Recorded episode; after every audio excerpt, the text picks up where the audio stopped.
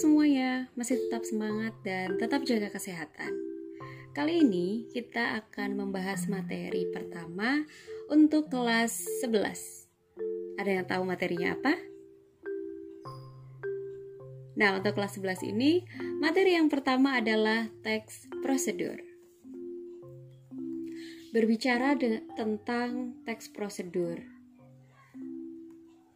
Apakah kalian pernah menemukan teks prosedur dalam kehidupan sehari-hari? Memasak mie, misalnya, Mema, uh, membuat kopi, membuat SIM, KTP, atau ketika kalian membeli rak buku di e-commerce. Kemudian ketika paketannya datang, dan kalian mau merakitnya, ada petunjuknya.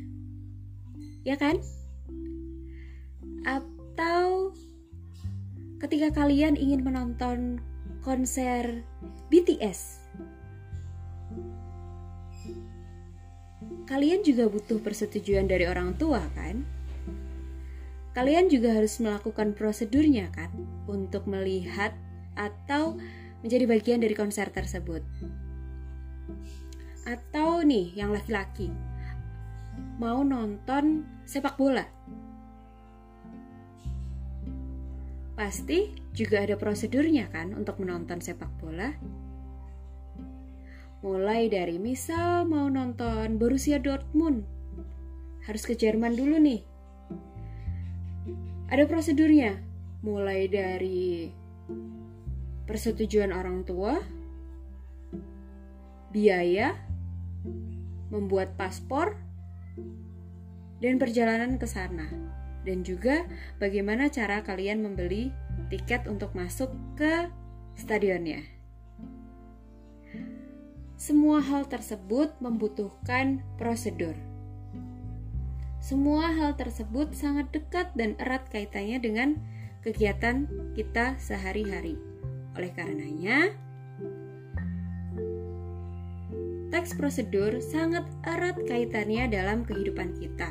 Apalagi nih, masa pandemi ini kita sering menemukan yang namanya teks prosedur ketika harus masuk ke dalam sebuah toko misal. Ada himbauan untuk mencuci tangan. Kemudian ketika kita mencuci tangan, ada pamfletnya. Cara cuci tangan yang baik atau um, tenaga kesehatan. Dia harus menggunakan hazmat. Itu juga ada prosedurnya. Apa dulu yang harus digunakan dan apa saja yang digunakan. Ini namanya prosedur. Maka dari itu kita dapat menyimpulkan bahwa kata kunci dari yang kita bahas adalah prosedur itu sebuah informasi menggunakan syarat atau pilihan, langkah-langkahnya sistematis dan terperinci, menunjukkan atau menjelaskan sesuatu atau mengoperasikan sesuatu, teratur, membantu kegiatan sehari-hari, bersifat objektif, kalimatnya jelas, logis, dan singkat. Kenapa harus singkat? Jika kita menulisnya panjang lebar, sedangkan ketika kita mencari sebuah teks prosedur, kita membutuhkan sesuatu yang informasinya langsung kalian dapatkan. Langsung bisa kalian praktikkan, ya enggak? Maka dari itu, teks prosedur itu salah satunya harus singkat, namun jelas dan logis, agar si pembaca atau orang yang mau melakukan sesuatu tersebut terbantu dengan teks prosedur yang ada. Berarti kesimpulannya, teks prosedur adalah teks yang berisi paparan informasi berupa petunjuk, penjelasan, proses membuat, cara mengoperasikan sesuatu sesuai dengan langkah-langkah yang jelas, sistematis, terperinci, dan teratur untuk memudahkan kegiatan sehari-hari. Itu yang dinamakan teks prosedur. Kenapa sih kita harus belajar teks prosedur? Atau kenapa sih kita harus membuat teks prosedur? Kembali lagi bahwa teks prosedur itu kan sifatnya informatif. Berarti dia membantu memudahkan orang dalam melakukan sesuatu dan meminimalkan kesalahan. Dan juga membantu melakukan pekerjaan dengan tepat sesuai dengan petunjuk. Untuk memudahkan, membantu, maka dari itu semuanya bisa melakukan pekerjaan menjadi lebih baik dan menguntungkan pengguna atau pelaku. Ya kan? Kalau kita melakukan sesuatu tanpa ada petunjuk, mungkin saja bisa. Tetapi bisa jadi kita hanya trial dan error. Ya kan? Maka dari itu kita memerlukan teks prosedur untuk memudahkan dan menguntungkan semuanya. Itulah tujuan dari teks prosedur. Apakah sampai sini kalian sudah mulai memahami apa itu teks prosedur? Kalau tadi membahas tentang pengertian, yang pasti di dalamnya ada ciri-cirinya. Kalian bisa menguraikan ciri-cirinya dari pengertian yang sudah kita bahas tadi. Selanjutnya, kita akan membahas jenis atau macam teks prosedur. Sebenarnya jenis dan macam teks prosedur itu secara umum dibagi menjadi dua. Dilihat dari bentuk umum dan dilihat dari isinya. Kalau bentuk umum berarti dilihat dari bentuk teksnya. Kalau isi sudah pasti dilihat dari isinya. Maksudnya gimana sih? Oke.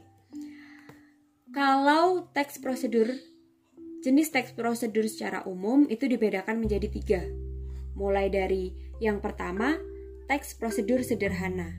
Yang dimaksud teks prosedur sederhana itu hanya mencakup 2 sampai 3 langkah dan itu adalah langkah-langkah sederhana.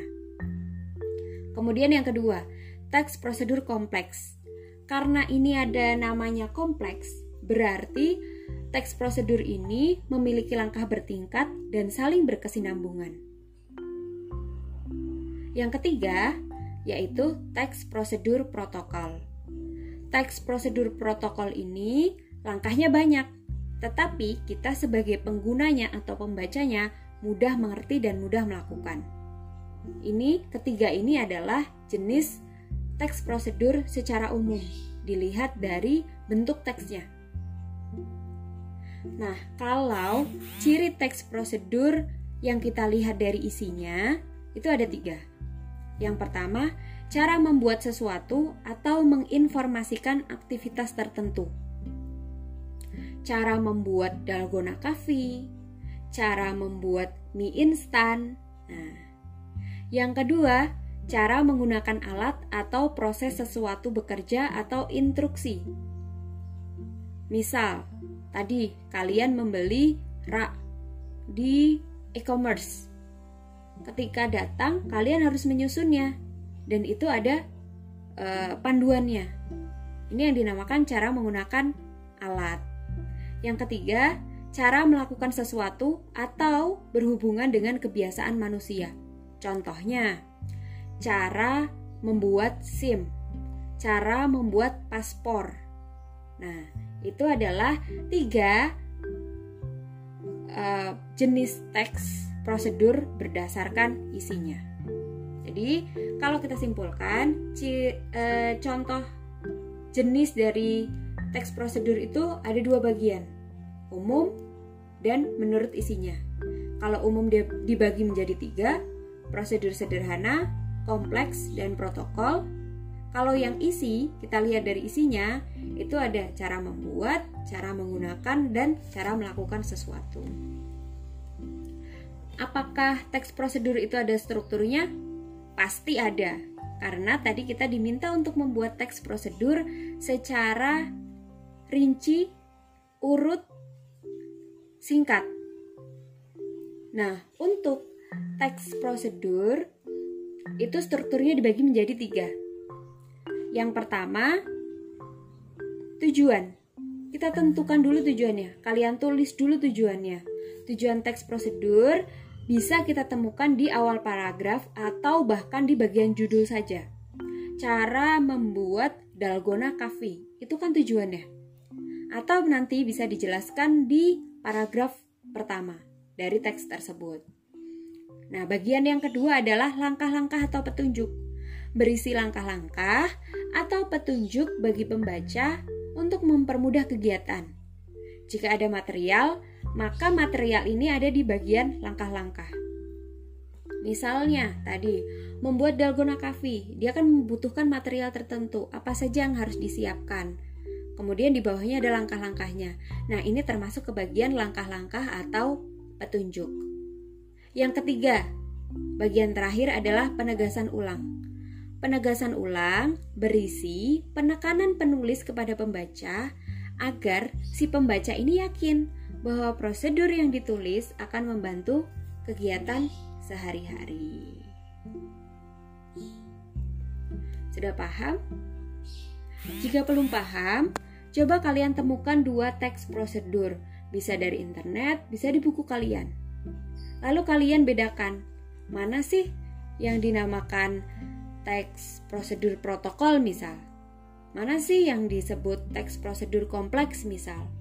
Atau mana sih teks prosedur yang merupakan cara membuat sesuatu atau menginformasikan sesuatu. Atau teks prosedur cara menggunakan alat itu yang seperti apa? Bisa kalian uh, analisis teksnya. Dan juga kalian bisa analisis prosedurnya, bagian strukturnya. Mana bagian tujuan, mana bagian langkah-langkah, mana bagian penegasan ulang. Bisa kalian pahami dari situ. Oke, selamat memahami. Untuk materi selanjutnya, masih mengenai teks prosedur, kita akan membahas tentang kebahasaan. Tunggu di podcast berikutnya ya.